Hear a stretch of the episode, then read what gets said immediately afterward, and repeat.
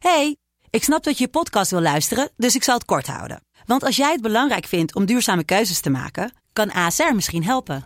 Nou hoor ik je denken, hoe dan? Nou, bijvoorbeeld bij het duurzaam herstellen van schade. Of de premies die we beleggen volgens ons duurzaam beleggingsbeleid. Dat bepaalt waar we wel en juist niet in investeren. Wil je meer weten over welke duurzame keuzes ASR maakt? Ga dan naar asr.nl slash duurzame keuzes. ASR doet het. Zo, dan kan je nu lekker naar je podcast luisteren. Hey, ik snap dat je je podcast wil luisteren, dus ik zal het kort houden. Want als jij het belangrijk vindt om duurzame keuzes te maken, kan ASR misschien helpen. Nou hoor ik je denken, hoe dan? Nou, bijvoorbeeld bij het duurzaam herstellen van schade. Of de premies die we beleggen volgens ons duurzaam beleggingsbeleid. Dat bepaalt waar we wel en juist niet in investeren.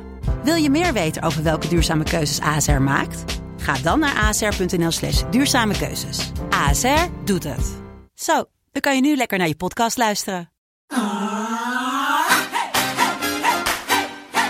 Dit is Mand, kortste podcast van Nederland. René, jij bent eh, zelf eh, autoliefhebber. Nee, Nou Ja, doe even. Ja. René, je, je houdt van auto's. Zeker. Waarom rijden mensen te hard?